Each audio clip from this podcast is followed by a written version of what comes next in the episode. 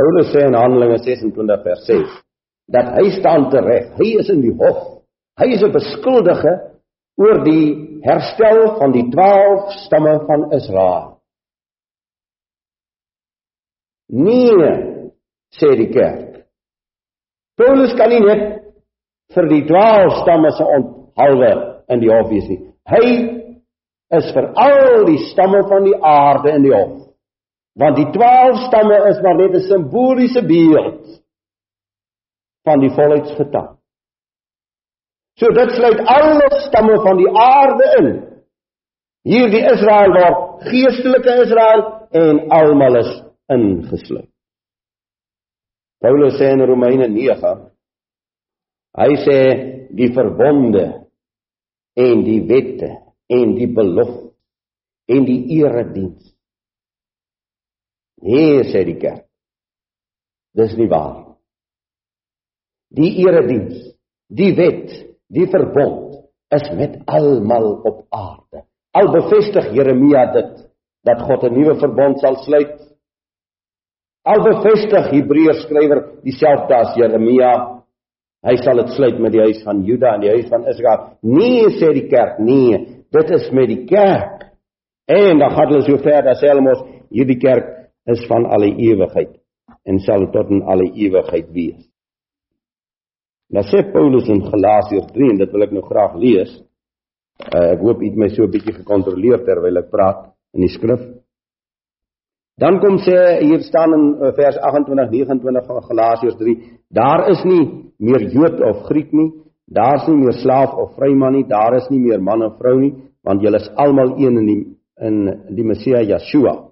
En as julle aan die Messia behoort, dan is julle die nageslag van Abraham en volgens die belofte erfgenaam. Nou wat sê Yeshua? Yeshua sê deur die mond van Paulus, dit maak nie saak of jy Judees is en of jy 'n Helleen is. Daar staan nêrens Griek in die Griekse taal. Daar staan Hellenic. Helene. Dit maak dus nie saak of jy nou as Israeliet in die verstrooide Israel is nie en of jy nou nog 'n Judeër is nie. Dit maak nie saak of jy 'n slaaf of 'n vryman is nie. Dit maak nie saak of jy 'n man of 'n vrou is nie. Julle is almal in die Messia. Yeshua. Jy moet maar daai woordjies meer wat nog nie die Bybel reg gemaak het, krap maar die woordjies meer dood. Daar is nog 'n môre mans en vrouens want ek staan voor hulle. Nou hier staan daar is nie meer 'n man en 'n vrou nie. Nou Jy sien sulke vertalings, jy slaan jou hande saam. En as jy aan die Messia behoort, as jy nou almal as Israeliete, slaaf of vryman, man of vrou, Judeer of Hellenic, vermoere, 'n boer of 'n blanke Australianer, dit maak nie saak nie. As jy aan die Messia behoort, dan is jy die nageslag van Abraham en volgens die belofte erfgenaam. Nee sê die kerk. Nee nee nee. Nee, dit is nie waar wat daar staan nie. Ons gaan dit vergeestelik. Ons gaan dit verander. As ons nou hier 'n klomp sendlinge uitgestuur het en hulle het verander gaan doktrineer en gesê kyk jy moet glo en hy sê ek glo.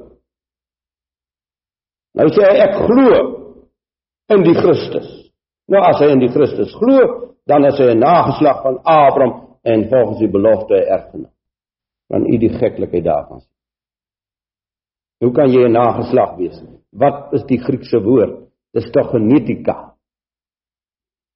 Dan is jy familie. Jy's familie van Abraham. Jy kan nie waaragtig in die Messia glo as jy nie uit Abraham gebore is nie. Dit sê Yeshua tog baie duidelik in Johannes hoofstuk 8. Petrus sê hy skryf aan die verstrooides en hy sê julle is uitverkore. Hy sê in Hoofstuk 2 vers 9, julle is uitverkore genos. Julle is uitverkore geslag, familie. Nie sê die kerk. Nee, nee, nee. Petrus skryf nie aan die verstrooide Israeliete nie, Hy skryf aan die verstrooide wêreld. Hy skryf vir almal.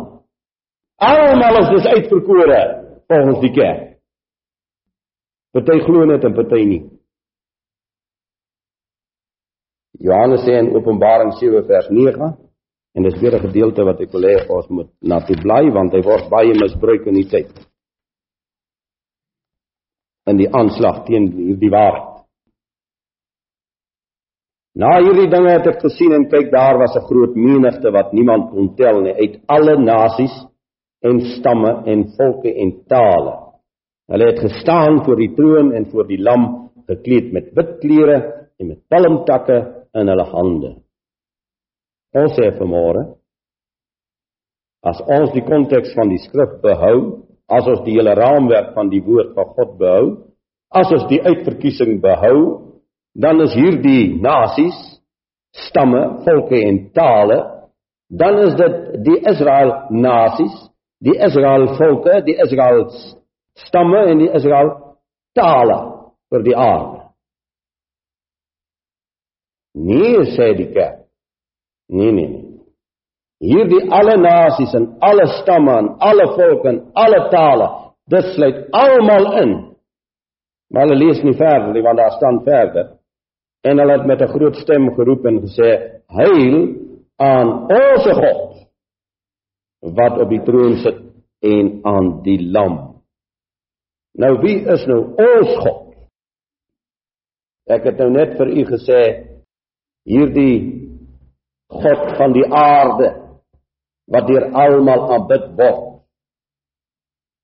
Wat Israel ook vir hom saam reënbakke uitkap, gebarste reënbakke Wie is hierdie hierdie almal se God teenoor die God van Israel?